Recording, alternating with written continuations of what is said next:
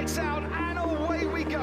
Du, ingår inte det i spel att provocera varandra? Det är ingen utvisning, det är ingenting. Har inte du provocerat någon spelare? Du måste slå honom. Du kan inte få slå någon bara för det.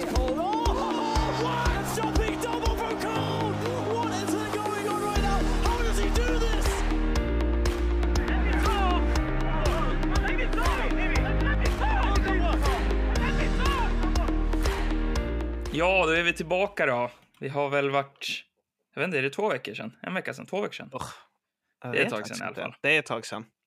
Men nu är vi tillbaka i alla fall. Mm. Och redo med mycket saftiga samtalsämnen idag.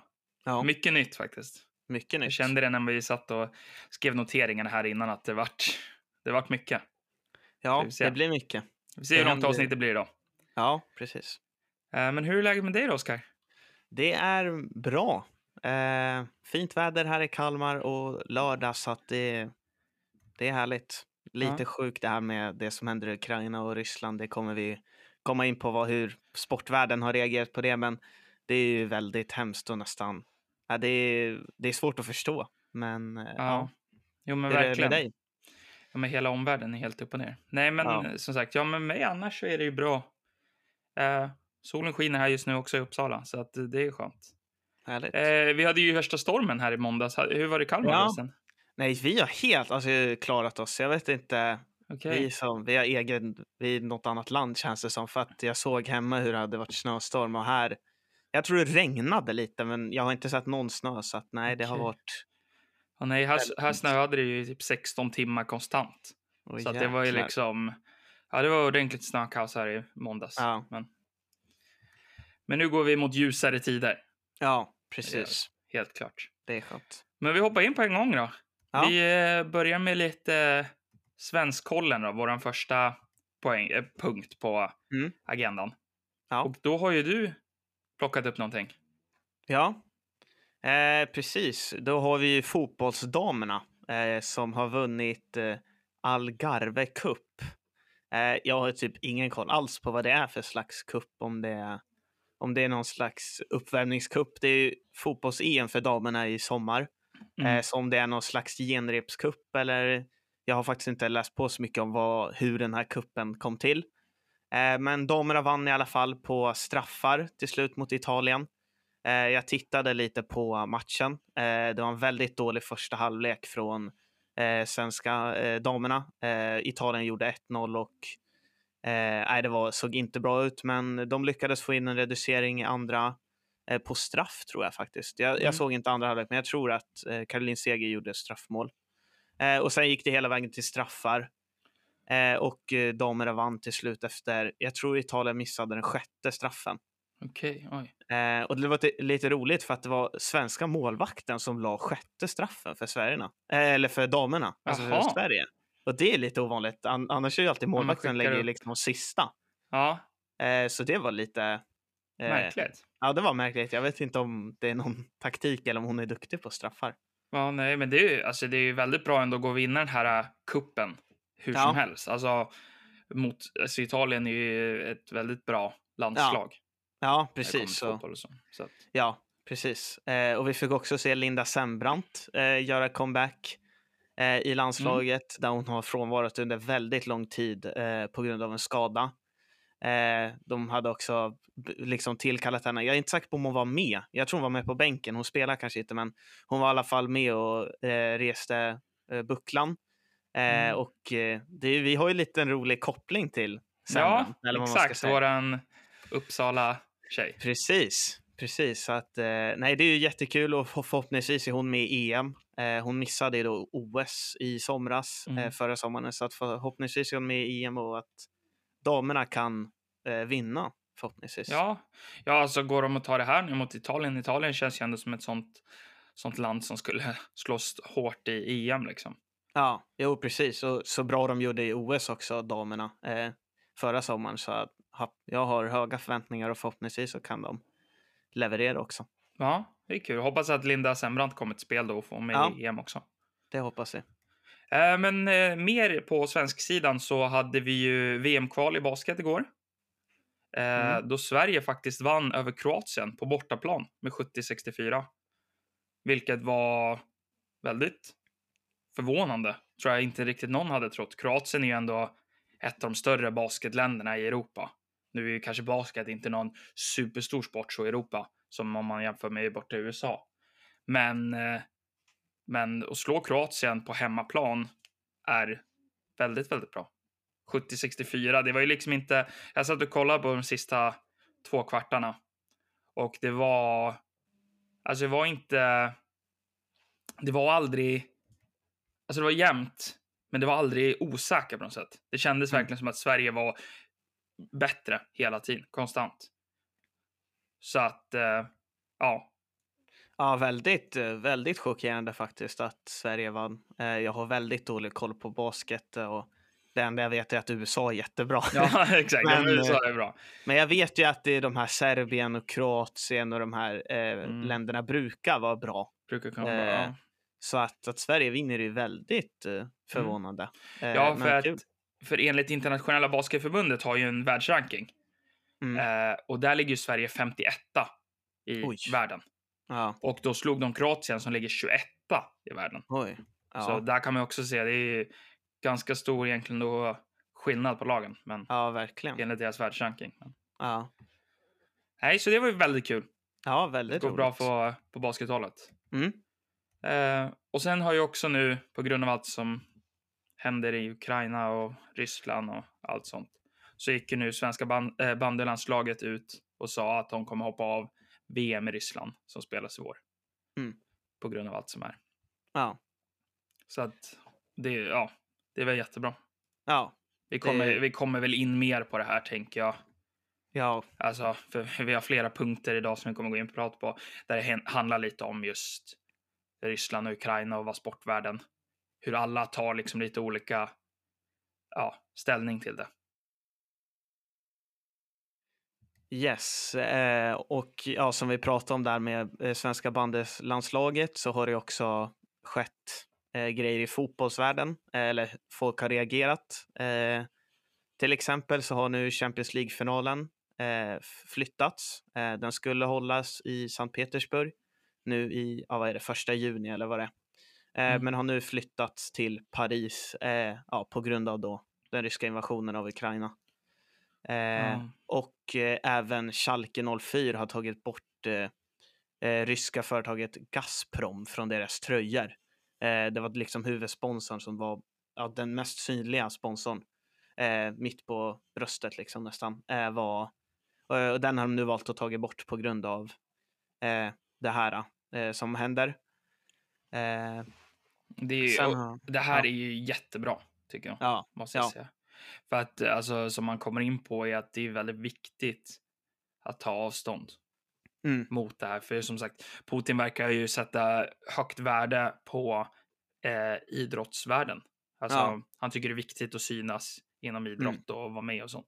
Så Ja. det är väldigt bra att eh, folk uteslutar och tar det ifrån dem. Ja, precis. Även nu i veckan eh, såg vi mycket protester från fotbollsspelare. Eh, vi hade Mm. till exempel eh, ukrainsk spelare som heter någonting, eh, som Ja. spelar i Atalanta. Jag har glömt bort vad han heter. Eh, men han i alla fall gjorde det tydligt. Han gjorde två mål i Europa League, tror jag det var, eh, åttondelsfinal. Och då hade han en tröja eh, som han, han tog av sig tröjan och så stod det No war in Ukraine på Ja, hade han skrivit på en vit t-shirt under.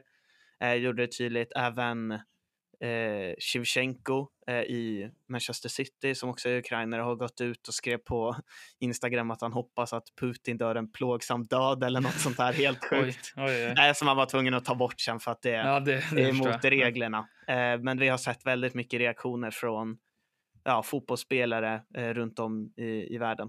Eh, Så Mm. att det är väldigt fint att de säger ifrån, eller vad man ska säga, Säger att de ifrån, exakt. Det säger också, någonting. Ja, jag tycker också att det är bra att de här eh, stora, stora, vad ska man säga, ligorna säger ifrån också. Ja, Alltså Ja. typ som Champions League är ju liksom, det är ju big deal. ja Alltså, vi, vi kommer in på det spåret lite senare i det här programmet också, men till exempel Formel 1 har ju valt att inte köra sitt race i mm. Ryssland. ja, Alltså det är ju också så här, det är stora organisatörer och ligor som väljer att vi ska inte stödja det här, vi tänker inte skicka några pengar, ingenting ska gå till Mm. det här. precis. Och det är ju viktigt att de stora aktörerna säger nej. Ja. Eh, och då kan vi ju, bra segway till nästa är då att eh, vi har ju också playoff-finaler, semifinaler som ska spelas här nu redan i mars. Eh, där det då är ju Sverige mot Tjeckien som de flesta kanske vet. Eh, och i den andra matchen är det då Polen mot Ryssland. Eh, Mm. och nu har då Sverige, Polen och Tjeckien eh, skrivit tillsammans ett brev eh, till Fifa och Uefa att de vill flytta eh, ifall Ryssland skulle vinna mot Polen så skulle den matchen hållas i Ryssland. Eh, och det här vill de då flytta till en, eh, ja, en annan plats. De vill inte spela fotboll i Ryssland. Eh, det här har inte besvarats eh, på något sätt eh, vad jag har läst.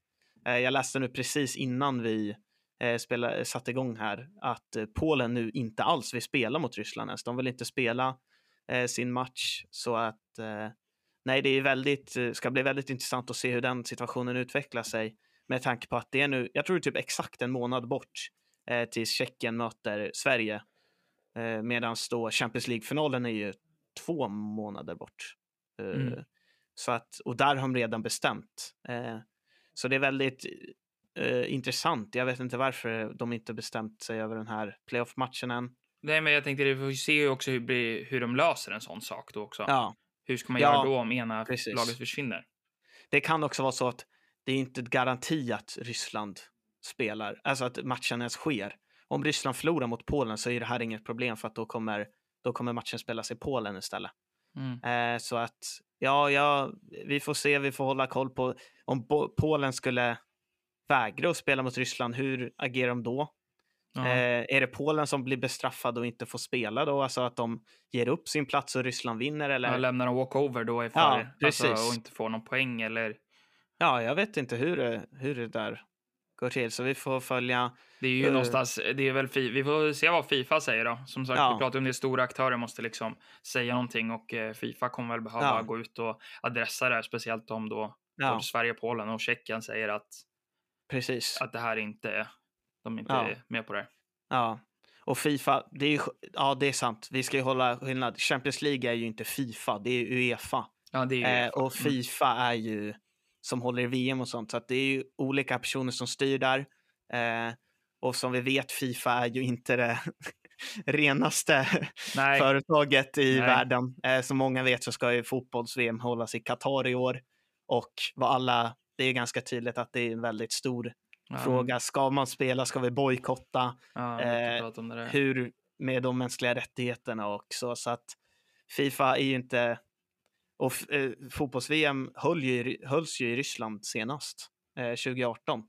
Eh, det var ju i Ryssland så att eh, de har nog väldigt nära relation där, Ryssland och Fifas ledning. Så att nej, vi får se hur det, är, hur det ut, utvecklar sig. Ja. För det här är som problemet med de här stora företagen, alltså eller som om vi tar Fifa och de här liksom väldigt stora aktörerna är också, det är mycket pengar i det. Och det är ju, Ryssland sitter ju på mycket pengar på grund av oljan och allting. Så Mm. Ja. att då blir ju det, det blir ett, pro, problem liksom. Man Ja. märkte ju också det, jag tänkte när, med Formel 1, att de, som, vi- som jag nämnde, att de ställde in Rysslands. Mm. Det var ju väldigt, alltså lät väldigt så här oklart hur de ställde sig till det egentligen.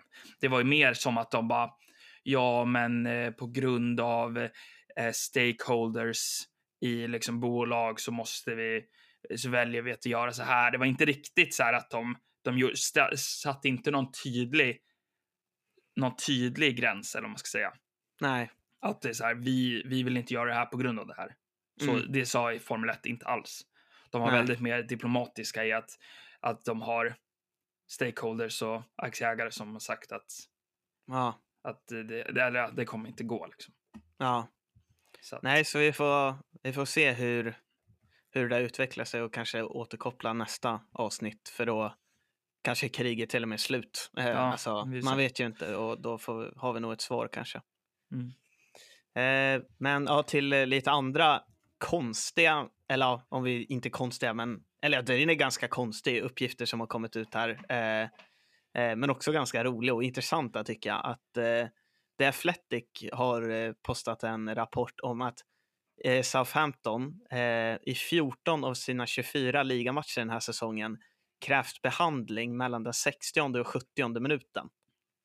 Och det här har de också, varje gång det här har skett har nästan alla spelare gått till bänken och fått chansen att de har, jag vet inte vad det är, men de äter som någon kräm typ. Det är någon slags energibar Okej. typ. Fast jag har sett det där. Det är flera som gör det. Det är jättekonstigt. Det är som en, tänk dig, vad ska man, hur ska man förklara det? Protein, sån här gamer, protein, eller inte proteindricka, men det är så här ga- X-gamer, så här, eh, Mm. eh, som, det är som ett pulver som man häller i vattnet och så Ja. rör man runt och så. Fast Mm, i den, en sån påse, fast det är typ som gelé som de bara Ah, äter okej. direkt. Så, de Så det de måste ju vara någon slags eh, återhämtnings, alltså någon någon, eller någon slags boost, ja, på något Energi, sätt. energi Ja, någon slags kick, energi, ja, Vakna upp. Ja, Eh, det har man i alla fall sett spelare äta, eller liksom äta, eller säga. och sen att de dricker och får eh, nya instruktioner av eh, eh, Hasselhütter som är tränare i SA-15. Och när jag såg det, jag tyckte det var väldigt roligt om det är en taktik på något sätt att, okej. ja, de att någon... de ska lägga sig ner och kräva behandling, att han kan signalera. Jag tyckte det var väldigt kul när jag läste det här och att eh, det är väldigt... ja, det är eh, väldigt... Ja, det är på gränsen till att det nästan är fult, men på no jag tycker ändå det är acceptabelt på något sätt. Tycker jag ändå det är lite... Om det nu är medvetet så är det väldigt roligt tycker jag. Eller alltså det är vä- väldigt smart. Att ja. jag inte Men undrar om de här, som sagt, 14 av 24 ligamatcherna, om de har legat under de här Ja, matcherna? Är det matcher ja. som de har varit på väg att förlora och då har de här grejerna inträffat? Ja, Eller har det varit det alla matcher som de inte. på väg att vinna? Ja, det är synd. Jag kan inte läsa hela artikeln. Jag, har, jag, inte, Nej. jag betalar inte, så att jag vet inte. Men jag vet i alla fall att ett exempel var i Manchester United mot Southampton. Eh, då de låg under 1-0 fram till den här perioden och efter det här gjorde de 1-1 och sen så spelade de oavgjort. Okej. Och vann, eller inte vann, men de vann ju kan man nästan säga. För United ska man inte vinna mot eh, eller ta ett poäng som Southampton. Liksom. Så att på något sätt har det ju gjort skillnad. Eh, det har det gjort. Så att, nej, det var en väldigt Ja, eh, en liten intressant. intressant notering som de har gjort där. Ja, verkligen. Ändå, och hur ja. tänker, jag vet inte ens hur kommer man på att tänka. Man måste ju liksom bara börja notera om man måste följa Southampton varje match. Då kanske man börjar märka efter ett tag att gud, varför det är alltid mellan de här minuterna som någon går ner skadad liksom. Så att, nej, det Ja. var bara en liten rolig nyhet som jag ville ta med och Ja, tänkte snyggt att någon har snappat upp det också, som sagt. ja, väldigt, eh, ja, väldigt, väldigt bra. Intressant. Får se vad det blir för utveckling av det då. Ja, se ja, om de kommer fortsätta med det här eller om de slutar med det nu när folk har, Ja, ja har jag börjat vet plocka inte. upp det. Eller jag vet inte riktigt hur man tänker. Nej, jag vet inte. Det, eh, det var, den här nyheten är inte helt färsk. Det kom förra veckan någon gång tror jag, så att det har spelats några matcher efter. Eh, men jag har inte lagt märke eller jag har inte tänkt på det. Då. Jag får Mm. tänka på det eh, när jag tittar på dem eh, nästa gång. Mm. Ja, Ja, spännande. Men då när vi tänker då nästa gång då. Vi har ju lördag idag. Det är Premier League-lördag. ja, precis. Men det ser inte ut att vara något Southampton. Nej, Southampton spelade ju faktiskt igår, Igår. Eh, på fredagen eh, och vann mot Norwich eh, 2-0. Mm. Men som du säger så har vi ju många matcher idag. Vi har ju fem stycken, eh, tror jag. En, två, tre, fyra, fem, sex till och med. Sex, stycken matcher. Ja, sex matcher. Ja. Eh, och inga imorgon, vilket är... Eller ja, vi kommer till det sen. Eh, en Mm. match imorgon. Eh, Okej. Men eh, vi kan ju börja. Jag tycker jag bara tar dem efter vilken tid. Eh, och den första matchen idag på lördag är då Leeds mot eh, Spurs. Eh, två väldigt duktiga tränare eh, som har det tufft just nu. Eh, Leeds ligger på en femtonde plats och Tottenham på en åttonde plats. Eh, eh, Tottenham som förlorade mot Burnley nu i veckan. Eh, var det i torsdags kanske det var? Eh, eller onsdags. De spelade nu mitt i veckan någon gång eh, och förlorade mot Burnley som ligger ja, i botten. ja, det är Eh, inte bra. 1-0.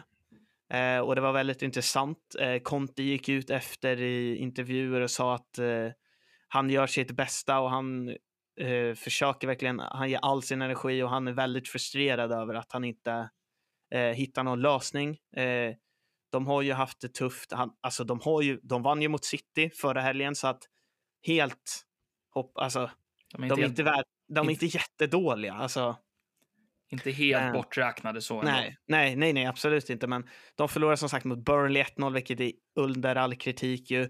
De tappade en 2-1-ledning på typ fem minuter mot Southampton och förlorade 3-2.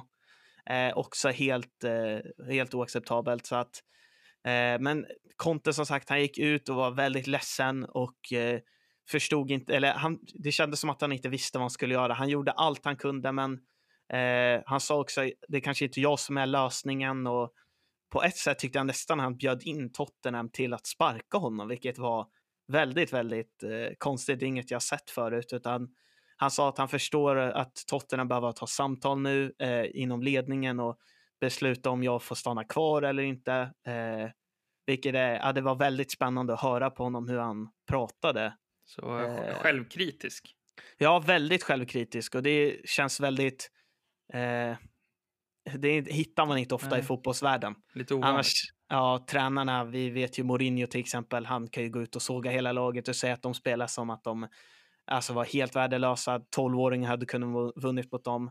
Eh, han gjorde inget fel, han har aldrig gjort fel liksom. Så det är väldigt, eh, väldigt annorlunda och det, jag tycker det, det, det är svårt att sparka någon när man säger att man, alltså när man är så självkritisk som han, han var mot sig själv och man vet vilk, hur duktig tränaren är. Han har vunnit Champions League, han har vunnit italienska ligan massa gånger, han har vunnit Premier League. Alltså vi, vi vet hur duktig tränare han är. Det kan inte vara han som är problemet. Eh, och då blir det ju nästan omöjligt att sparka. Och, och jag vet ju att, eller jag, om jag hade varit Tottenham-supporter så hade inte jag velat att han skulle bli sparkad. Alltså, el, ja, Nej, för- för det är ändå den självinsikten också någonstans. ja, Alltså jag tänker, har man ändå den så... Känns som man borde kunna se saker på ett annat sätt. ja. Förstår jag jag pratade också med några kompisar om det här och då sa det, eh, han en väldigt bra sak. Det kanske absolut inte är Conte som är problemet, men han kanske inte heller är lösningen. menar. Och det kan, så kan det ju faktiskt vara. Han är en jättebra tränare, men han kanske fortfarande inte är lösningen. Det är inte Nej. vad Tottenham behöver just nu. Eh, nej, men det var väldigt spännande och ska också bli kul att se den här matchen för att Leeds som sagt går ju väldigt dåligt just nu. Eh, och de har ju Bielsa som är en väldigt eh, eh, uppskattad tränare. Han är väldigt, eh, ses som många som en väldigt bra fotbollstränare och eh, har ryktats lite om att han ska lämna nu i sommar eh, för att det går så dåligt och eh, de har haft väldigt mycket problem med skador, vilket Tottenham inte har haft. De har inte haft några skadeproblem, men Leeds har haft i ett sämre lag så de har inte, eh, inte lika många spelare och eh, har haft många skadade som stjärnanfallaren Bamford och Calvin Phillips på mittfältet och även deras kapten som mittback. Så att de har haft sina problem eh, de också. Så att vi får se hur det, hur det går i den här matchen. Mm. Vad, eh, vad går att tippa? Eh, jag tror ändå Tottenham vinner. Eh, ska vi snacka stryktipset så kanske kryss 2. Mm. eh, kanske att det blir ett kryss alltså, men jag tror eh, Tottenham. Tottenham borde, borde vinna. Eh, så jag tror Tottenham. Vad tror du? Tror vi kommer kunna se någon Kulusevski? Ja, det hoppas jag absolut. Eh, han fick ju en superstart eh, förra helgen. När han fick starta första matchen så gjorde han ju både ett mål och en assist. Och de vann mot Manchester City. Så att eh, jag räknar med att han startar nästan. Eh, han startade inte i veckan tror jag. Eh, så det kanske var lite för att spara honom nu till helgen. Eh, för jag tror att det var Lukas som startade istället för honom då. Eh, så jag hoppas på att få se Kulusevski och att han ja, gör det lika bra som han gjorde förra helgen. Så ja, jag hoppas på att se Kulusevski. Mm. Spännande. Mm. Vid fyra händer det ju lite mer. Då är det ju mycket det- matcher. Då är det mycket matcher. Men det är klassisk fotbollstid. Eh, jag vet inte om du vet det, men visste du att fotbollsmatcherna som går den tiden sänds inte på tv i England? Va? Ja. För att de vill att man ska gå på fotbollsmatcherna. Okej. Så sänder de inte på tvn. Så Spännande. att eh, man måste gå och titta. Det är ganska intressant att de liksom, eh, ja, för att få folk att gå och titta på sin mat- sina matcher så kan man inte se dem på tvn. Hm. Eh, om man inte har VPN och grejer och Ja, um, ja, VPN från till något annat land och sånt. Men de sänds inte någonstans på tvn i alla fall. Så det, det var Mm. bara en liten rolig Ja, lite detalj. roligt. Nej, men som du sa precis, det är fyra matcher som spelas klockan fyra. Eh, och det är ju då den första, eller ja, alla sp- sport startar samtidigt, men den som fångade mitt öga var ju såklart Newcastle mot Brentford. Eh, det är ingen hemlighet att jag är på. Newcastle. Lite av en bottenstrid faktiskt. Ja, faktiskt. Eh, det är ju två lag som, kommer, alltså som har raka motsatsen när det kommer till form. Eh, Brentford som har sju raka utan vinst och 16 insläppta på de sju matcherna. Eh, Medan Newcom, Newcastle kommer med sex raka utan förlust och bara fyra insläppta på de sex. Eh, så att Newcastle kommer, alltså de är i glödhet form. Eh, vunnit och spelat oavgjort som sagt sex raka. Jag har aldrig varit så här glad över att heja på Newcastle någonsin. så att eh, nej, det är, det, det är jättekul att eh, Dan Burns som har kommit in i Newcastle också gjort det jättebra. Tyvärr har Trippier skadat sig som också har varit fantastisk högerbacken som Newcastle köpte in. Har ju gjort två mål från frispark och har varit, hade kaptensbindeln senaste matchen och nej, det är jättetråkigt att han ser ut att vara borta en längre tid nu. Eh, jag tror att han hade brutit någonting i foten, något ben i foten hade han brutit tror jag. Eh, så jag vet inte om han skulle vara ute hela resten av säsongen, men en längre tid ska han vara borta i alla fall. Eh, vilket är väldigt tråkigt. Eh, men kul att då förmodligen får vi se Emil Kraft spela. Mm, just det. Och det kan ju vara väldigt bra med tanke på de här playoff-matcherna som kommer och han är ju förstahandsvalet i svenska eh, backlinjen på högerbacken där. Så att kul att han får spela så att eh, eh, men tråkigt för Newcastle eh, att Trippier är skadad. Men nej, det, det kan bli fartfyllt i den här matchen. Brentford startade ju ligan väldigt bra. Eh, de chockerade med att börja väldigt starkt, men har ju som sagt tappat eh, väldigt mycket nu på senare tid. Eh, men eh, jag, tror, det- jag tror det kan bli jämnt. Eh, båda lagen gillar att gå framåt. Eh, Brentford är väldigt offensiva. Newcastle har också väl blivit väldigt mycket mer offensiv sen Eddie Howe kom in. Så att jag måste ändå backa mina boys. eh, så jag tror Newcastle vinner, men det blir, tufft. det blir en tuff match. Det, det blir det. Det är kul att se att eh, Newcastle har fått utdelning på de här värvningarna när de var så aktiva här i transferfönstret och försökte få in som Ja. sagt med nya ägare och allting.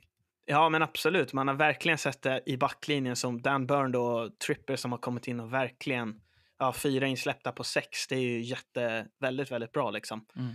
Eh, Så där har man verkligen märkt eh, skillnad. Bruno har inte fått starta någon matchen, eh, som vi pratade om, storvärvningen på mittfältet. Mm. Kan vara för att det tar lite tid för honom att komma in i den engelska fotbollen och så. Eh, Men jag ser verkligen fram emot att se honom eh, mer. Eh, Just det, en rolig grej också att eh, eh, Eriksen kommer få debutera eh, för Brentford den här matchen Okej. har Brentfords tränare sagt igår, tror jag, eller idag på presskonferensen, sa han att nu är Eriksen good to go och kommer starta på lördag mot Newcastle. Så det blir jättekul att få se honom spela fotboll igen. Eh, Vad roligt. ja, för han har inte spelat hittills. Eh, han har ju behövt träna upp sig, han har ju varit borta länge så att det är Mm. förståeligt. Eh, nej, så det blir, det blir kul att se honom också. Ja, det kommer bli en Mm. riktigt topp, toppenmöte med andra ord. Ja, ja verkligen. Ändå, eller i alla fall nu, det vi har byggt upp här med Ja, mig. comeback och sen Ja. Newcastles alla värvningar och se, se hur det Ja. går. ja, från en ja, toppenmatch från en eh, inte så intressant match enligt mig. eh, ja, det är ju Brighton mot Aston Villa. Eh, ja, 9 och 13 plats, väldigt i mitten där. Eh, väl två mittenlag. Aston Villa är väl, ja, de är sju poäng ifrån nedflyttningsplats, så de är ganska säkra eh, därifrån. Brighton hade till och med åkt ner till tionde plats nu efter att Southampton vann igår. Eh, men då har de ju en match mindre spelad. Eh, och de är långt ifrån någon Europaplats. Så att det är lite så här, inte match. Nej, Det kan inte hända, alltså det händer inte så mycket, spelar inte så mycket roll. Båda lagen är i svag form, har förlorat två stycken. Eh, Eller båda kommer liksom från två förluster. Eh, där ingen av dem har gjort mål. Så att eh, det här kommer nog bli en snarkig match tror jag. nej, inte den Tyvärr. matchen att välja Nej. här vid fyra. Nej, det skulle jag inte göra. Eh, Brighton som vi vet har spelat väldigt, eller spelar väldigt mycket oavgjort och släpper inte in så mycket mål. Eh, så jag tror det kan bli 0-0 i den här eller kanske 1-0 till någon av lagen. Så den tror jag inte. En riktig snusfest. Ja, jag tror inte det. Den är ingen att rekommendera om man inte hejar på något av lagen. Ja, så, men exakt. annars, så, annars skulle jag inte titta på någon av dem. Jag tänkte det med Aston Villa. Robin Olsson. Eller Mm. Ja. Olsen. Olsen, ja, Ja. han har ju inte fått spela Han inte fått spela någonting. något. Nej, okej. Nej, inte än. Eh, tyvärr, vilket jag också nästan trodde. Eh, Ja, var ju lite väntat kanske, men Ja. man kunde hoppats. Man kunde hoppats. Eh, ja, så jag... Nej, han har inte spelat någonting. Nej, nej. Så, ja. Ja, men vi har ju mer matcher klockan fyra. ja, nästa match är då Palace mot Burnley. Eh, inte heller jätteintressant, men mer intressant med tanke på att då Burnley vann mot Tottenham som jag var inne på eh, innan och att de eh, vann mot eh, Brighton. Eh, så att de kommer få två eh, raka vinster. Eh, börjar närma sig säker mark. De är bara två poäng ifrån. Newcastle som är precis över strecket. Så skulle de vinna här idag och Newcastle förlora, då skulle de skjuta ner Newcastle på nedflyttningsplats. Vilket inte är, är något kul, tycker jag. Eh, nej, men Burnley är ju väldigt eh, stark eh, form som sagt och man var ju lite orolig där Eh, efter Chris Wood lämnat. Nu kanske det fallerar. Eh, de har ju spelat mycket utifrån honom och han har ju varit verkligen stjärnan på topp. Men eh, den här eh, Wout Weghorst som har kommit in, nederländska giganten från Wolfsburg, har ju gjort det bra. Jag tror han gjorde sitt första mål förra matchen, eller för förra matchen. Eh, så han har ju kommit in, och det är ju typ alltså en nederländsk Chris Wood. Han, jag tror han till och med är större än Chris Wood. Alltså de har verkligen hittat exakta spelartypen som Wood är. Stor och stark. De Eh, har en snabb. tydlig, en tydlig man i, i Ja, den ja, rollen. ja. Liksom. De vet vad de behöver där. Ja, och det är ofta bra i fotboll. Tydlighet, har en plan med exakt vad man vill. Då brukar det bli bra. Så att han eh, ja, har passat in eh, väldigt bra och jag tror eh, Eh, Burnley kommer vinna den här. Eh, Crystal Palace har varit lite eh, på nedgång på sistone, eh, men också ligger där lite i mitten.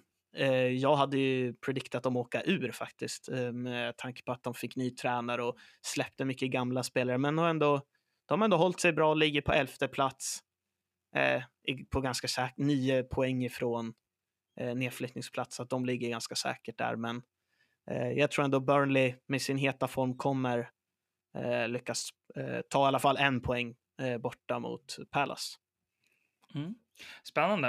Och Mm. sista matchen är ju, alltså jag måste säga det, vi har ju noteringar här som vi, vi sitter och skriver upp lite så vi kan, ja men noteringar inför våra avsnitt när vi sitter och pratar här. Ja, Eh, och då som sagt, sista matchen är ju Man United mot Watford. Och för mig Ja. tänker jag då att det här är ju toppen mot botten.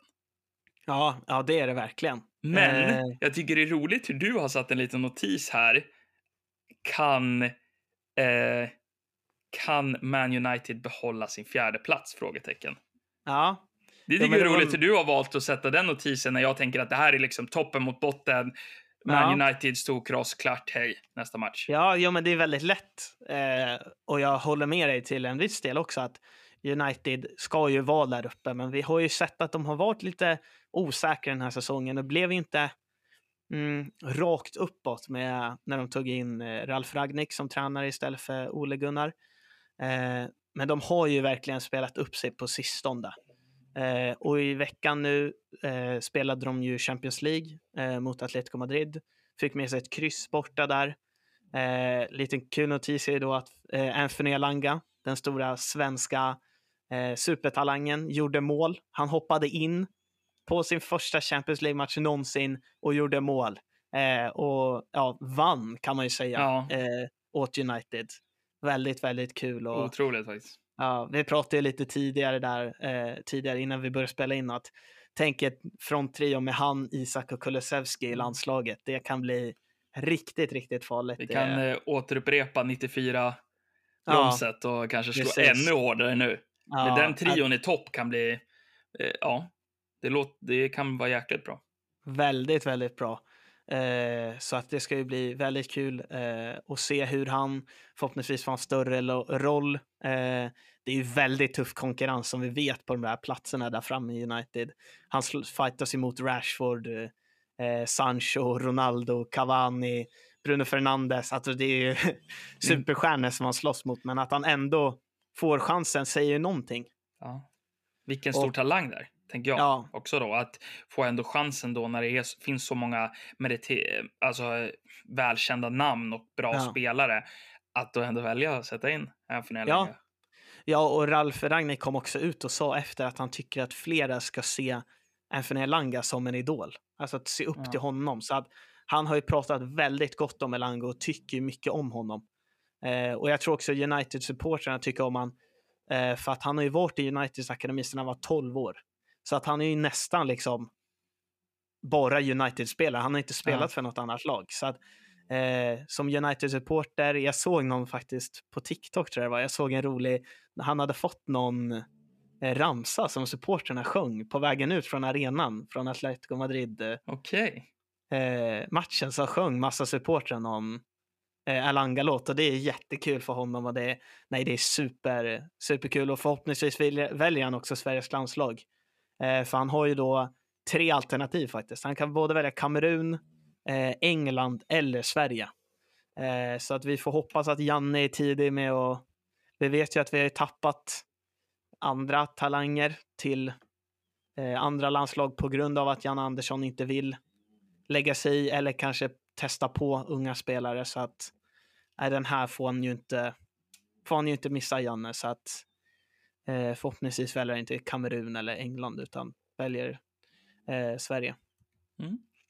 Nej men som du sa, de borde ju absolut vinna den här matchen. United. Ja, det var ju Wat- Watford vi pratade om. Ja, United Watford. precis. Vi drog ett litet Ja. sidospår där, men det är ju Ja. eh, Man United Watford idag också klockan fyra. Mm. Ja, precis. Eh, Watford då som ja, ligger i 19 plats och eh, är fyra poäng ifrån med en mer spelad match också än Newcastle från säker mark. Eh, har inte fått någon eh, upplyft av att ha tagit in, eh, vad heter han, Roy Hodgson som tränare. Eh, utan det har ju varit lite, fortsätter med svajande resultat. De är inne på sin tredje tränare för säsongen typ 20 tränare på fem år. Alltså de byter ju tränare mer än vad de byter eh, spelare. Alltså de byter så mycket tränare så att nej, det finns inte så mycket tro i Watford för, för min del, utan det borde ju vara en United-vinst. Men ibland kommer de och gör någonting eh, oväntat, Watford. Så att, Du, Nej, tänker jag- att, du tänker att den kanske skulle kunna komma idag då, eller? Har du den alltså den magkänslan? kan, ja, den ska, alltså jag hade Skulle inte blivit förvånad. Nej. Jag hade på Stryktipset, om vi pratar om det igen, så hade jag nog kunnat lagt den 1-2. Alltså att i vä- någon värld, i en inte för långt borta värld, så kan Watford ta- och vinna den här.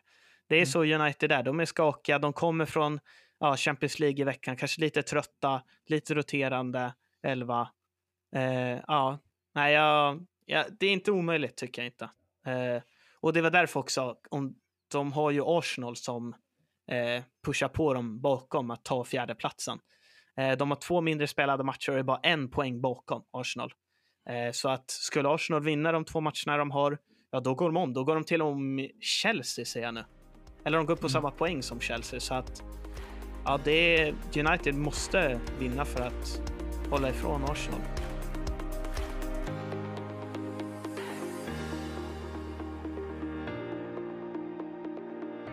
Okej, då har vi snackat fotboll. Gått igenom Premier League-matcherna för dagen. Eh, då tänkte vi blicka över lite på eh, kanske mitt område då, som är hockeyn. Mm. Eh, och i den här helgen spelas det ju nio SHL-matcher. Så att eh, har man intresse för SHL så har man inte tid med mycket annat. Man har att göra. det finns absolut att göra. Eh, nej, så att eh, det, är- det, är- det är roligt att se när det är så mycket matcher, men det har ju blivit lite problem nu på grund av coronan som kom. Eh, vilket, vi fick nya restriktioner här i Sverige efter, efter annandag jul, där eller runt jul. Eh, och då blev ju matcher flyttade, det började bli, spridas mycket corona, mycket lagen. Ja, vi har ju snackat mycket corona här. Ja, Eh, men då så har det som sagt, vissa matcher har behövt skjutas på och inte kunna spelas på den utsatta tiden som vart. Vilket nu resulterar i att fyra klubbar eh, den här helgen kommer behöva köra två matcher. Både match på lördag och på söndag. Eh, och det, det gäller då Frölunda, Örebro, Leksand och Brynäs. Som då alla får köra, kommer köra match både idag lördag och imorgon söndag. Eh, och det här tycker jag är spännande att se hur de kommer kunna återhämta sig. Ja, det är väldigt spännande. Väldigt spännande, för Frölunda till exempel har varit väldigt, varit väldigt starka den senaste tiden.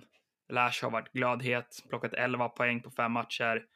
Eh, Anders Borgman som de tog in för inte så länge sedan som kom över från eh, som kom hemifrån eh, USA har nu kommit tillbaka och anslutit Frölunda.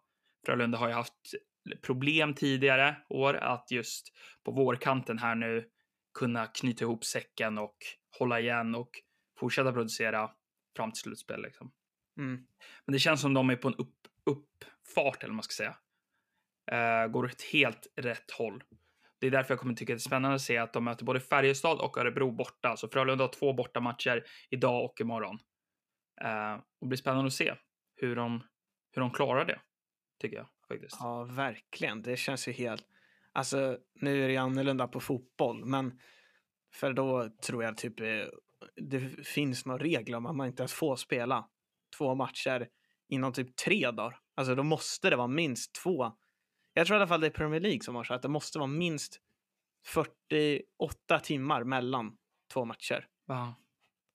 De har också två bortamatcher Brynäs. Så de kör ju på Djurgården idag klockan kvart över tre och sen möter de Leksand imorgon kvart över tre. Så att det är liksom samma tid. Men du Ja. säger matchen börjar då kvart över tre. Den är klar kanske vid 17, 17.30. Och sen Mm. liksom kvart över tre nästa dag, då har du match uppe i Dalarna liksom.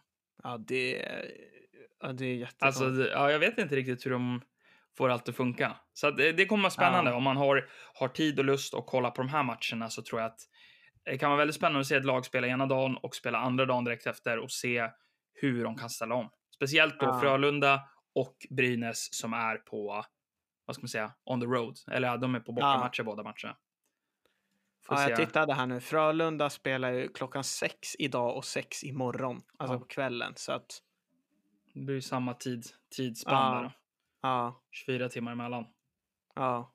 Ja, det ska bli väldigt spännande Ja. att se om de... Det är tufft. Jag Ja, skulle hur vilja säga kanske att Brynäs, för det är ju också då, Örebro kör ju också då som sagt två matcher och Leksand kör två matcher. Mm. Eh, men både Örebro och Leksand kör sina matcher på hemmaplan. Så Ja. där tänker jag mig att det kanske inte är lika stor skillnad. Jag tänker det måste Nej. vara absolut tuffast för Brynäs den här helgen. Ja. Först kör de i Stockholm mot Djurgården idag och sen mot Leksand i Dalarna imorgon. ja. Det är lite, det är en liten roadtrip ändå. ja, absolut. Så det att, måste eh, ju vara... Det är stor skillnad, eller jämfört med de som får spela hemma och borta. Mm, Alltså exakt. hemma, då kanske man har en halvtimme hem. Alltså som max, alltså liksom hem till sitt hem efter matchen. Här ska de byta om, alltså allt sånt där. Sen ska de resa hem och så ska de... Ja. He- och, det. ja, det måste vara... Kommer Det långt. bli väldigt tufft för dem. blir, en jag, de- liten, blir en liten bussresa också. Ja, för att ta sig upp dit. Men eh, ja, det, det blir spännande. Så att det här är någonting som jag ser fram emot och se egentligen i alla fall hur de klarar just återhämtningen. Tycker jag kommer Ja. vara väldigt spännande att se. ja, Eh, och Brynäs-Leksand spelar ju då på söndag. Mm. Och det är ju ett riktigt klassmöte också. Så att Brynäs-Djurgården, det är klassiska klubbar. Brynäs-Leksand, klassiska klubbar. Så att så just de två matcherna kommer jag hålla lite ögonen på.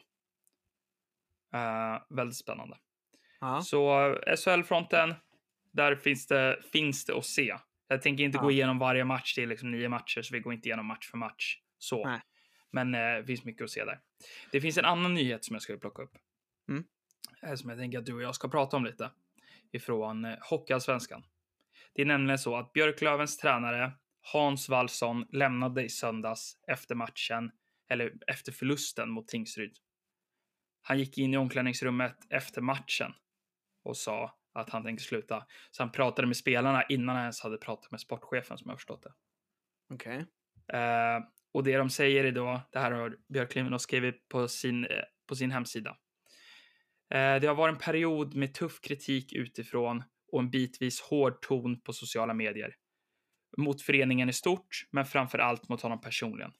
Detta har påverkat Valle hårt och även hans familj, vilket gör att Valle, Valle väljer att kliva av sitt uppdrag med omedelbar verkan. Mm. Eh, Och det här är ju rätt, alltså vi lever ju i, i tuff värld, mycket sociala medier och sådana saker, men jag tänker att att liksom gå så tufft. De hade ju då tre ganska, de hade ju, de hade tre förluster i ryggen när det här kom. Mm. Jag har liksom, för mig kom det liksom lite oklart. Som Björklöven är liksom inte ett, ett lag som har gått relativt bra i år. Just Hockeyallsvenskan är jag inte så insatt i, men jag tycker det, det är väldigt, blir lite skrämmande nästan när en sån huvudtränare liksom väljer att hoppa av på grund av trycket som kommer på och kanske personliga påhopp och mot familjen och sådana saker. Ja. På grund av vad som hänt på isen. Och vilket resultat de har gjort. Ja, det är väldigt tråkigt. Och alltså, Hockeyallsvenskan, det är ju inte liksom Premier League. Det är Nej.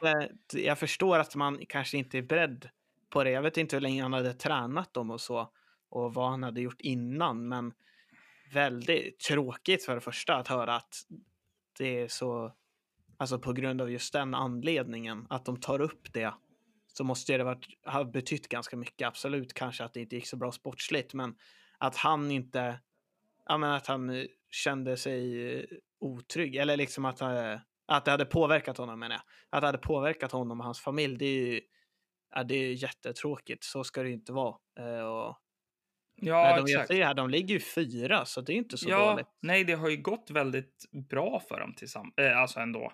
Vad är eh. målsättningarna för Björklöven? Är det att gå upp? Eller? Alltså de har väl, de har haft målsättningen länge tror jag, att gå upp och vilja kämpa sig, men de är ju inte riktigt där. De vill väl ta sig till eh, slutspelet och eh, kämpa sig hårt för att kunna ha möjligheten Mm. att ta sig upp, men de har väl kanske inte riktigt kalibern som finns. Eh, och det är väl här det har varit mycket snack liksom, för jag tror att speciellt om man kollar fansen tror jag sätter det här laget högre upp än vad det egentligen är. Ja, Eh, okej. än vad det faktiskt är i spelform. ja, Och det är väl där jag tror att det blivit, blir liksom ett problem så här. ja, Men alltså eh, eh, Hans Wallson är ju en väldigt rutiner, rutinerad också tränare och har vunnit SM-guld med Skellefteå. Han har varit Jaha. i schweiziska ligan och tränat. Alltså Oj. han har gjort rätt mycket grejer. Eh, Ja. 2014 blev han årets coach. Så alltså han, han har varit med och det, det är därför jag tänker då i Björklöven, vad, vad kan ha hänt som har gjort det så hårt så att Ja. en så liksom, han har liksom jobbat med det här hur länge som helst och liksom vunnit SM-guld och gjort så mycket grejer. Och sen så händer allt det här med Björklöven och eh, ja, ja, det känns ju jättekonstigt om han har gjort, så, om han har gjort sådana stora, eller tränat sådana stora lag och eh, vunnit SM-guld och sånt där. Och då har man ju testat på, då borde det här nästan vara, man borde ha känt på trycket innan. Alltså, ja, Om du tänker det, om du spelat som eh, varit eh, tränare för Skellefteå och hållit på och vunnit guld och sådana saker, då måste du ju ha hört rätt mycket också. ja, Eh, nej, så jag tycker, jag tycker det, men det är tråkigt att eh, sånt här kan komma att liksom förstöra så mycket tycker jag. ja, verkligen. För Och det känns ju som att det måste, alltså det kan inte ha varit något meddelande, meddelande där eller här liksom. Det känns ändå, med tanke på hur rutinerad han är, att ja. det, måste, ändå ha varit en något- det, alltså ganska mycket kommentarer. något och som hållit på länge. Ja, Och antagligen rätt grova saker, speciellt familjen kanske har varit inblandad och sådana saker. ja, Eh, så att jag vet att jag såg eh, på Simor så har de ett program som heter Wikegård versus när okej. eh, Wikegård, Niklas Wikegård möter olika hockeyprofiler och så i världen eller i Sverige och pratar med dem. Och Mm. pratar de med Roger Rönnberg som har ju varit Frölundas tränare nu i många år och var med och vann junior-VM också senast Mm. 2012. Eh, och han sa ju det när han kom upp och var tränare för Luleå. Att då var det när liksom, han pratade lite om det, att när hatet går så långt för tränaren så att ens barn i skolan får höra saker, då Mm. frågasätter man sig verkligen om man tycker det är värt att göra det man gör. Ja, Och det måste Ja. väl vara något i det stuket som kanske kan ha hänt här också. mm. Att det har gått för långt. ja, och jag lyssnade nyligen på en intervju med Martin Åslund som brukar vara expert på Viaplay eh, fotbollsstudion och att han, han har också spelat i AIK och eh, jag, tror, jag tror aldrig han spelade i landslaget, men eh, och under början av 2000-talet där så gick det ju väldigt dåligt för AIK. Eh, och hans pappa var då både vd och tränare. Eh, och han pratade då om hur barnen, eller liksom de äldre eh, i skolan då retade eller liksom, ja, inte, han, de hade aldrig något fysiskt våld mot honom, men de hade varit aggressiva liksom verbalt mot honom för att det gick dåligt för AIK. Ja. Och då fick man ju se det från liksom barnets perspektiv, lite som Mm. det där du pratade om med Luleå-tränaren. Ja, exakt med Roger Rönnberg. och då ja, känns det som att det har gått lite för långt. alldeles för långt. Ja, För trots allt, det är bara sport. alltså, Ja, ja. det är inte liv och död. Och då Nej. när det går ut över hat och liksom sånt mot familjer och sånt, det är, ja, ja, det är inte okej någonstans faktiskt. nej. Inte okej någonstans. Ja, jag tycker det är bara så tråkigt att han, att, att det går till den län- längden att han väljer att sluta. Ja. Alltså, jag vet som sagt inte om han plockar upp det igen. Får, får se om han kommer ut och säger något, för det där var väl inte hans ord riktigt. Nej, nej han har Eh. inte sagt så mycket öppet. Nej, så får se om han säger någonting. Men Får se om han säger något. Får se om han kommer träna igen. ja, Eller om det här var droppen nu då. ja, Vi. Det är tråkigt hur som helst. ja.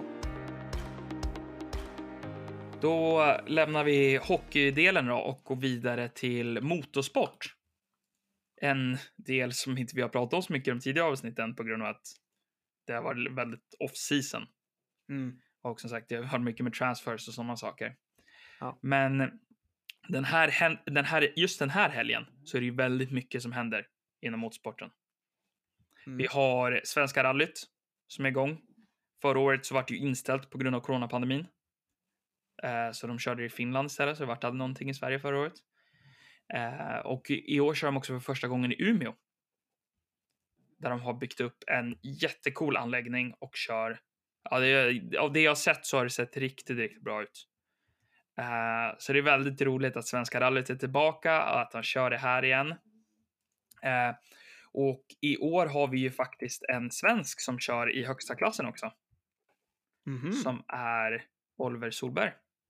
Wow. Wow! Hoppas han vinner. Ja, hoppas han vinner. Han ligger ju, just nu när vi spelar in det här så har han en femte plats med 44 sekunder ner från första plats. Så att jag tvekar på att det blir någon vinst för, för Oliver, men eh, jag hoppas att det går bra i alla fall. Jag kommer att hålla koll och sitta och titta lite på honom och se, se hur det går. Det jag sett såg bra ut. Han gjorde något Allplats fel. kanske då? Ja, Nej. Nej, det är tvek faktiskt. Ja, tvek. Jag tror inte han kommer kunna, kunna komma upp så mycket. Men det som är Ja. roligt är att eh, Oliver är ju bara 20 år. Så att det är ju inte det sista rallyt han kör om man säger så. Det här är första året i högsta klassen. Han kommer ju få chansen igen. Och vi Mm. har inte sett en svensk vinna svenska rallyt sedan 1997. Det är ett tag sedan. Det är ett tag sedan. Det var innan du föddes och jag var bara Ja. ett år. Så att, Ja. så att det skulle vara väldigt roligt om vi kunde se någon gång igen en svensk vinna svenska rallyt. Ja. Men det lär ju som sagt ja, dröja några år. Ja. Men det är, det är kul att se han köra i alla fall. Och det är kul att se Mm. köra, köra han i högsta serien Ja. i de stora bilarna. Eh, så det här är någonting som jag tycker man ska hålla ögat ut för om man tycker sånt här är kul. Det är väldigt, väldigt kul att se på de svenska vägarna. Just det här rallyt tycker jag är väldigt roligt när de kör. Det här är ju ett av de snörallyna som de kör. Eh, det kan man se det här? fort. Det finns på SVT. Så det här är jättebra att kolla på om man inte har så mycket betaltjänster. För oftast med Ja. sportgrejer och sånt, då måste du alltid ha de dyraste paketen på Viaplay eller More Ja. eller Discovery Plus eller vad det nu är. Mm. Eh, men här kan du faktiskt se bra sport gratis. Eller ja, för Okej. skattepengar. Så att, Ja. eh, så att nej, så det tycker jag, det kan jag absolut rekommendera att kolla Mm. på. Det är väldigt spännande. Eh, den här helgen drar ju också en till motortävling igång och det är Indycaren bort i USA. Och där har vi också Sverige-tema. För där har vi två stycken svenskar som kör Indycar. Vi har ju Marcus Eriksson och Felix Rosenqvist.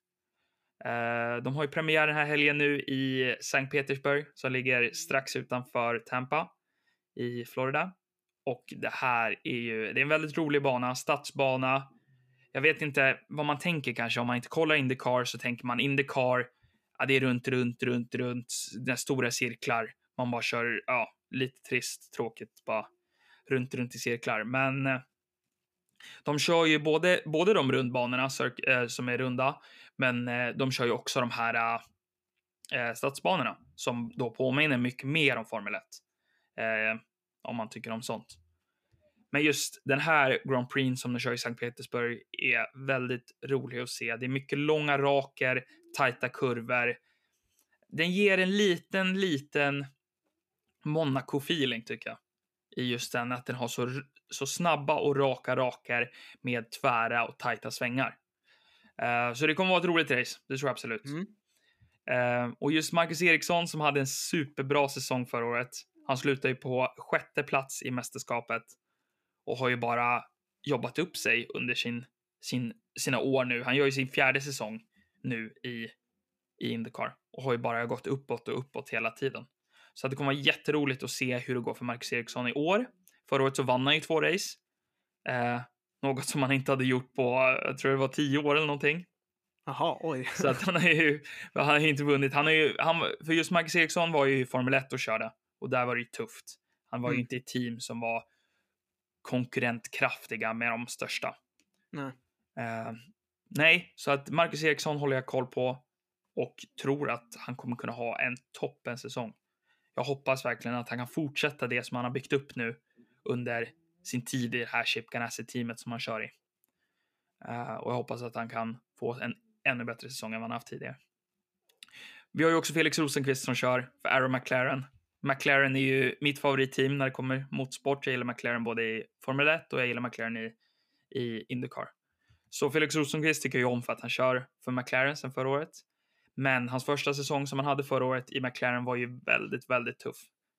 Så eh, rent krast, Rosenqvist kan inte ha något annat än en bättre säsong. Om inte Okej. så har han inga fler säsonger i Indycar tror jag. Nästan. Okej. Jag tror att det är så illa. Han, han, fick en, han hamnade på 21 plats förra året. Och för att köra alla race. Han var borta ett för på grund av sin skada när han råkade smälla in i väggen. Så han missade han ett race. Men annars så är det ju liksom vara delaktig på så många race och hamna 21 är inte bra. Nej. Nej, det lät inte så bra. Nej, det var väldigt tufft. Och då, så att om man då tar hans kollega i McLaren-bil, i sin andra McLaren-bilen, Patricio Ward, som kom på andra plats, så Oj. är det ja. lite kontrast mellan de två teammatesen. ja, han måste verkligen ja, förbättra sig den Förbättra här säsongen sig. om han vill stanna. Exakt. Jag tror det att eh, skulle han köra en liknande säsong som förra året så tror jag att det kan bli svårt för Felix Rosenqvist att hänga kvar i Indycar. Kanske han Mm. får blicka vidare. Men han har varit bra förut. Han blev ju Rookie of the Year när han kom in i ligan 2019. Så att eh, jag tror att Rosenqvist ändå har i sig. Så det här är någonting jag ser fram emot mycket. Kvalet går ju idag klockan 18.00 på Viaplay. Eh, och imorgon så är racet 18.00. Spännande. Någonting som jag rekommenderar starkt. Då håller vi tummarna för Eriksson och Rosenqvist. Exakt, så vi hoppas Lite extra att... för Rosenqvist är för min del, bara för att det inte gick så bra förra året. Exakt. Nej, så det, det hoppas vi mycket på. Jag tycker också det är kul, vi har ju dansken Christian Lundgaard, ju, ska ju få köra nu för första året också i Indycar. Eh, han har ju varit en Formula 2-förare, hållit på och kört länge i Formula 2-racet. Eh, men inte riktigt kommit upp och fått, spe, eh, och fått köra i Formel 1 för att det är väldigt tajt att ta sig in där uppe. Mm.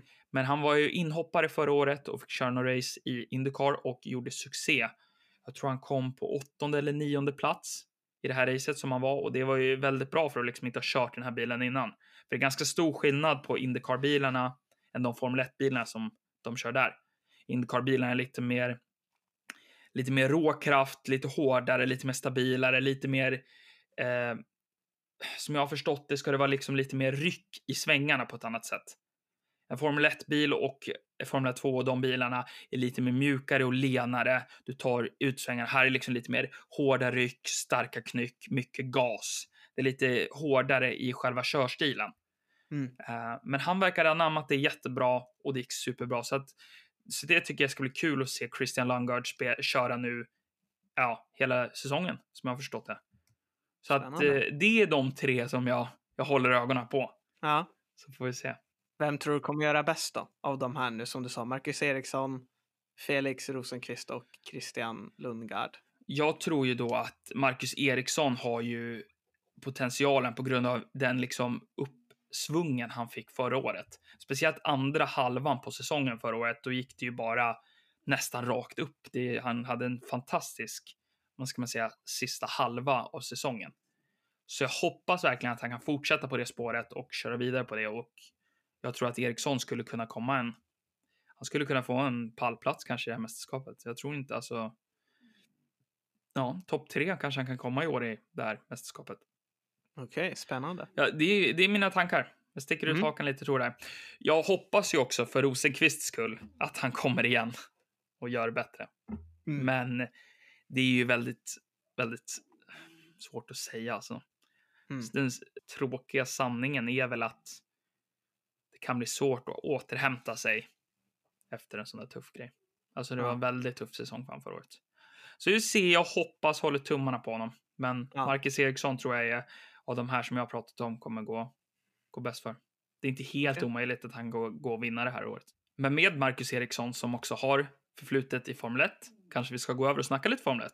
Ja. Vi har ju då 22 dagar kvar till F1-premiären Mm. till Bahrain. Och de senaste dagarna här så har de ju precis kört första testen i Barcelona som är liksom den största grejen som de öppnar upp. Det som jag har hört och förstått från analyser, det här är inte någonting som vi har haft möjlighet att kunna se härifrån, men det jag hört är att både Ferrari och McLaren-bilen ska se, ska ha gått rätt snabbt. Mm. Jag hörde både George Russell säga det i en intervju, eh, men också andra reporter från plats att både, att både McLaren och Ferrari ser, ser bra ut. Okej, spännande. Det är nytt eh, reglemente så att det är vad jag har förstått så kan ju vad som helst hända nu. Alltså vilken bil som helst kan ju komma ut och liksom vinna, eh, vilket är väldigt spännande och kul att Ferrari och McLaren ser bra ut. Att de, det var ju de som var bakom Red Bull och Mercedes förra året så att om det kan bli ännu jämnare i toppen det hade varit eh, väldigt kul. Ja, och det är det också på grund av att reglementet har ändrats nu så har ju de stora aktörerna som har kört liksom, eh, vi tar Mercedes och Red Bull som har legat i topp, de har ju då kanske hamnat någon helt annanstans beroende på hur de har lyckats utveckla den nya bilen. Mm. Eh, nu har ju de ett framgångsrikt team så att jag tror inte att de kommer liksom ligga sist i år. Det tror jag absolut inte. Men, men ändå, det kan ju verkligen slänga upp och ner och som sagt, Ferrari McLaren ser bra ut. Vad kan det? Hur kan det? Hur kan det se ut på slutet av säsongen? Ja, och de som behåller sina förare också, eh, både McLaren och Ferrari har ju ja, exakt samma förare, ja, förare som förra året. Eh, så de vet, de har kört en säsong tillsammans nu. Eh, Ricardo som inte hade kanske den bästa säsongen i McLaren eh, hade ju lite tufft att anpassa sig till bilen men eh, får se, han kanske kan komma in ännu mer och eh, eh Lando Norris som också, han gjorde det väldigt bra förra säsongen. Eh, Ferrari också, samma där. Så eh, det blir jättekul. Eh, Red Bull har ju också samma, eh, eh, eller samma förare. Eh, vi har inte pratat någonting om att de har bytt, vilka förare eller vilka lag som har bytt, eh, vilka stall. Eh, men Mercedes har ju då Russell nu istället för Bottas. Eh, så får vi se hur det, det- går där. Det är ju den största ändringen. Att Russell nu får chansen i ett, vad ska man säga, A-tier team liksom. Mm. Det är väl det stora. Han har ju varit i Williams tidigare och nu får han chansen i Mercedes. Ja, han har väl fått väldigt mycket beröm också i Williams-bilen, att han har gjort det bra. Eh, jag har en kompis som är ett väldigt stort fan av honom, så han är väldigt eh, glad över att han har gått till Mercedes. Men vad jag förstått så är han, eh, har han väldigt mycket potential. Eh, Mm.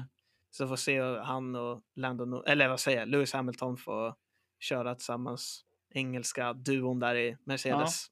Ja, det är ju häftigt också att de kör faktiskt eh, samma land. Det är lite, Ja, det är lite mäktigt. ja. Lite ovanligt. Eh, de har ju också då bytt reglementet och gjort om bilarna helt inför den här säsongen. Eh, de har ju byggt en mer, eh, vad ska man säga, streamlinad bil som inte ska... Alltså mycket hårdare krav på hur formen och grunden av bilen ska se ut. Och vi har fått sett de här, de har ju publicerats nu under några veckors tid, har de släppt lite olika bilar och så. Eh, men vad känner du Oskar? Är det, det är lite svårt här att sitta och bedöma liksom vilken bil ser bäst ut. För att vi har ju podcast och sitter och pratar, så det är väldigt Ja. svårt om man själv som lyssnar inte kan få en bild för de här. Men Ja. vad är din liksom spontana känsla kring alltså hur de nya bilarna ser ut? Alltså form Ja, och så. ja, ja det, jag har ju inte jättebra koll på liksom. Jag blev intresserad av Formel 1 första gången förra året. Jag hade ju aldrig, aldrig tittat på det innan. Eh, jag vet vad det var, men aldrig tittat. Så jag har inte jättebra koll. Eh, jag tycker bilarna ser väldigt lika ut. Eh, det som är frontving, eller det här är fram, eh, är väldigt olika tycker jag på vissa bilar. Eh, Eh, men ja, det är svårt att säga. De, eh, däcken är också helt nya. Mm, de Eh, har ju eller helt de annorlunda däck i år också. Eh, de är väldigt coola tycker jag, Ja. så de har gjort dem. Eh, jag såg De har också tagit bort små vingar och sånt. Det kan vara svårt att se de detaljerna. Men de har tagit bort små vingar och sånt sidorna som de har haft på Ah. golvet. Så de har skjutit in golvet för att, eh, inte för att planen var ju från början för att sänka downforcen. Men som jag har förstått nu från Spanien eh, och testerna som de har gjort i Barcelona är att downforcen ändå har varit så grov så att de har liksom fått Mm. lite slag ändå. Så att vi får se. De håller på att finjustera bilarna inför starten också så att Ja. ja, jag såg om det var McLaren eller om det var med, det var någon bilpresentation när de visade Formula E-bilen tror jag det var. Mm. Eh, och då lösdäcken samtidigt. Det var ascoolt. Jag trodde först det var på F1-bilen, men jag tror det var på Formula E-bilen eller någon, någon annan bil. Eh, om det var, ja, jag tror det var det i alla fall. Men nej, jag tycker det är intressant. Mercedes som har gått tillbaka till lite mer gamlare design om vi pratar färgerna och sånt. Eh, att de har gått tillbaka till den här silverfärgade. som de körde Eh. förut ja. ja. Ja, nu förra året körde de ju mest, nästan helt svart och den här ljusblåa. Eh, också McLaren har ju gått tillbaka till ljusblått. Eh, eh, som de inte, de hade väl en mörkare blå förra året tror jag. Mm. Eh, orange och mörkblå. Eh, nej, så att Ja, Alfa Romeo-bilen ser väldigt konstig ut. Eller jag vet inte. mm, Bottas bil ser ju ut som en... Ja, det är någon kammo-grej. Jag vet inte vad det är- är. nej, det är jätte, jätterolig faktiskt färg på den.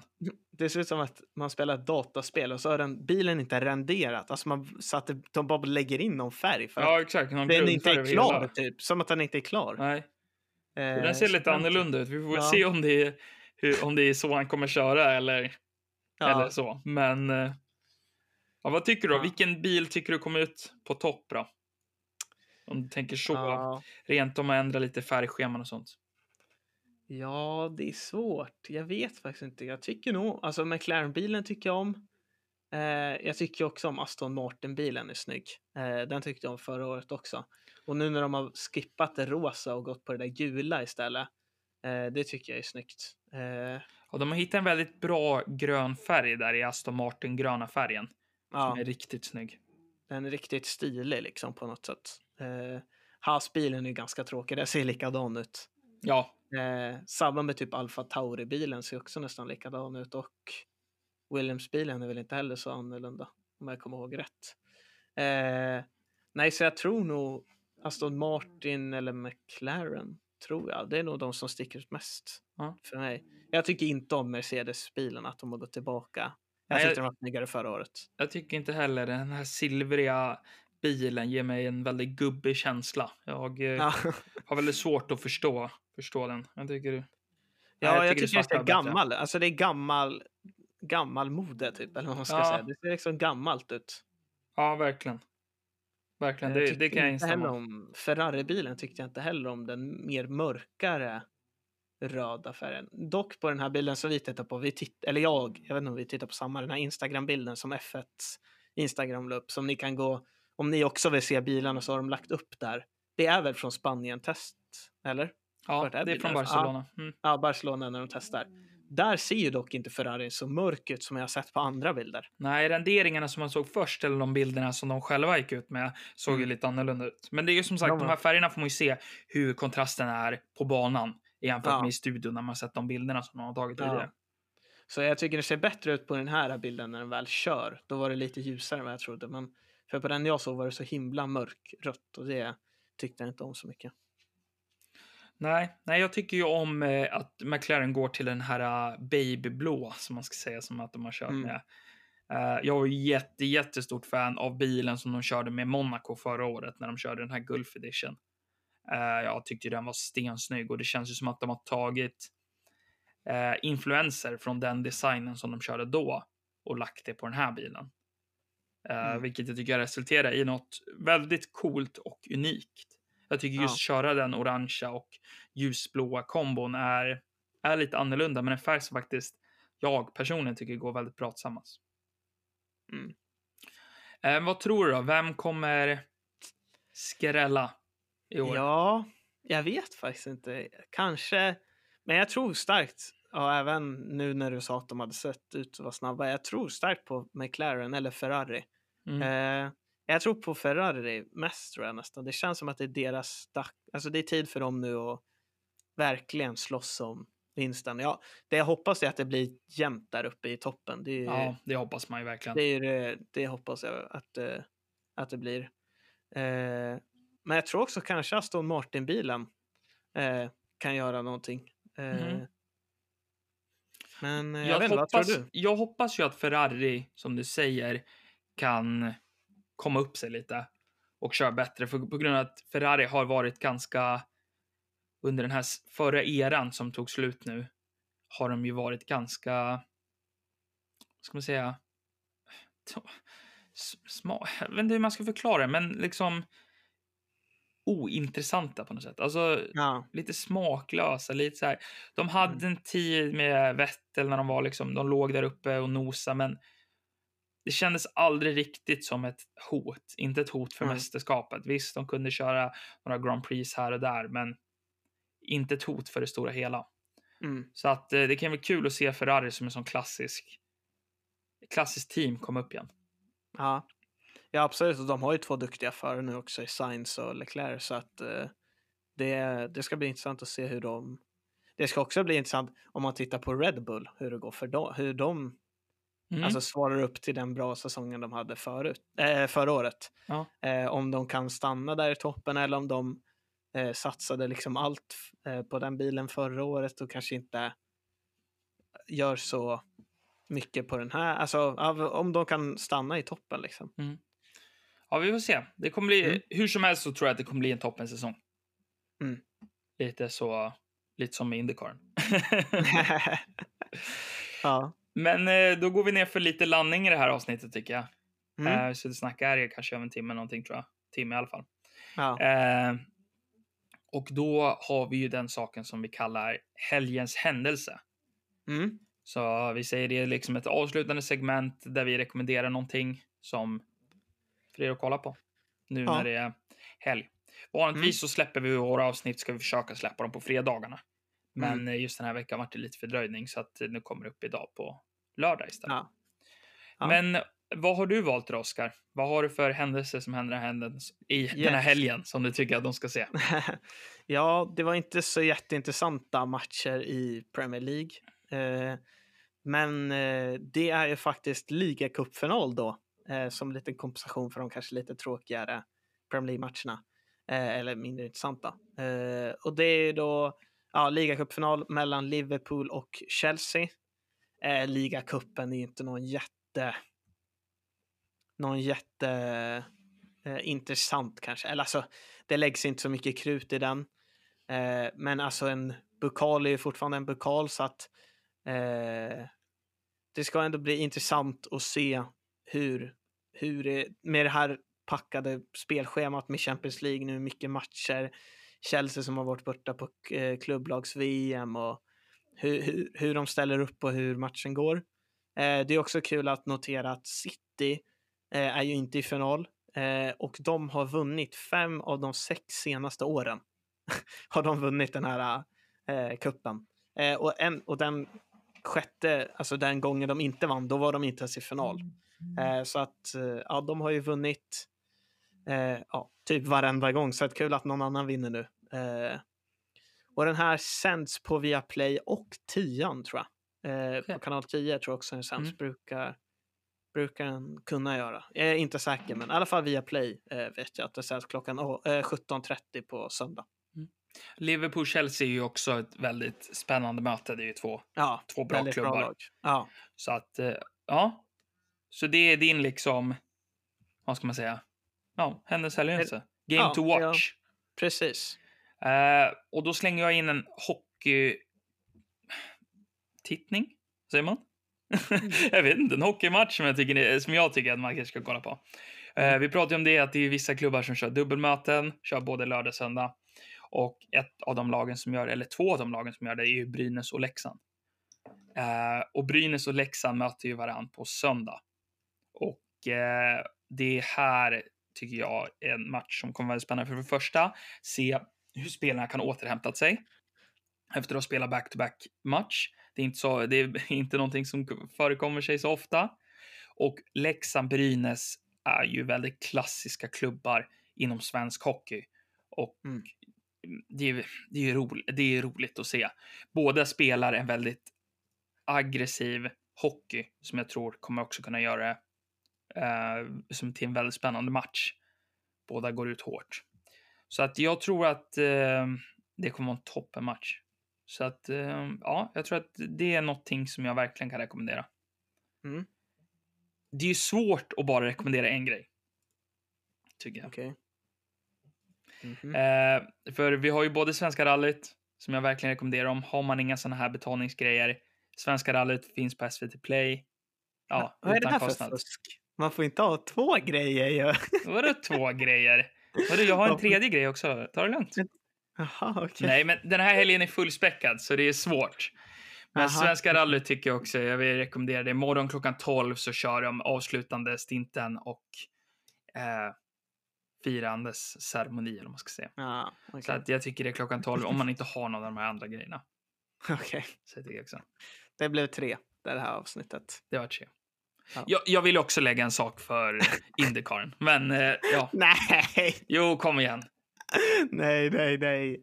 Jag slänger in Indycaren. Det är jag som klipper Jaha. de här avsnitten. Så att eh, Indycaren, kval idag 18.00 och eh, race imorgon 18.00 på Viaplay. Bra snack. Bra snack. Så att eh, helgens händelse blev helgens händelse gånger fyra. Ja, det är fullspäckat schema Ja, det är, helgen. ja, det är fullspäckat schema faktiskt. Men eh, Ja. ja. jag har ju liksom behövt lagt upp mina planer nu inför helgen beroende på vad det är som går när. Vad sänds när. Vilken typ Ja. av middag ska jag göra för att så jag inte missar de här grejerna. Ja, det, är, det är jobbigt nu. Det är jobbigt. det, Tufft. det, är tufft, Mycket sitta i soffan och titta på tv. det är ett tufft liv nu faktiskt. Mm. Ja, men då får vi väl eh, tacka från oss. Tack Ja. för att ni har lyssnat på det här avsnittet. Ja. Eh, jag vill också säga det, jag håller ju på att jobba på en annan podcastserie med eh, svenska stjärnor. Det är att plocka fram svenska hockeystjärnor och ska berätta lite om deras liv och deras historia och sånt. Så kommer jag göra ett avsnitt per stjärna, eller vad man ska säga. Och jag har hållit på och jobbat rätt länge nu på ett första avsnitt som handlar, kommer handla om Henrik Lundqvist som fick sin tröja hissad i New York för inte så länge sedan. Eh, och det här börjar närma sig så att eh, så snart så kommer det, så håll, håll ögonen öppna. Mm. Spännande. Men ja, har du, du fortsätter med din YouTube-serie antar jag? Ja, vi har precis avslutat eh, säsong ett, eh, så nu är det lite, ska jag lämna Kalmar för att träna i ett MLS-lag eller ska jag stanna kvar en säsong till för att ja, eh, utmana mer då, eller kanske vinna allsvenskan och Svenska cupen. Så det är det som eh, ja, händer på min YouTube-kanalen. Ja, men spännande. Sen är det, det är mycket som kommer här framöver. Då. Men eh, Mm. nu är det först väldigt mycket sport att kolla på, så att nu Ja. kan vi inte hålla på och sitta här och snacka hela dagen. Nej. För att nu måste jag så gå till tv. Ja. Nej, men tack för att ni har lyssnat. Så, Tack så mycket. Så hörs vi. Ha det bra. Hej då!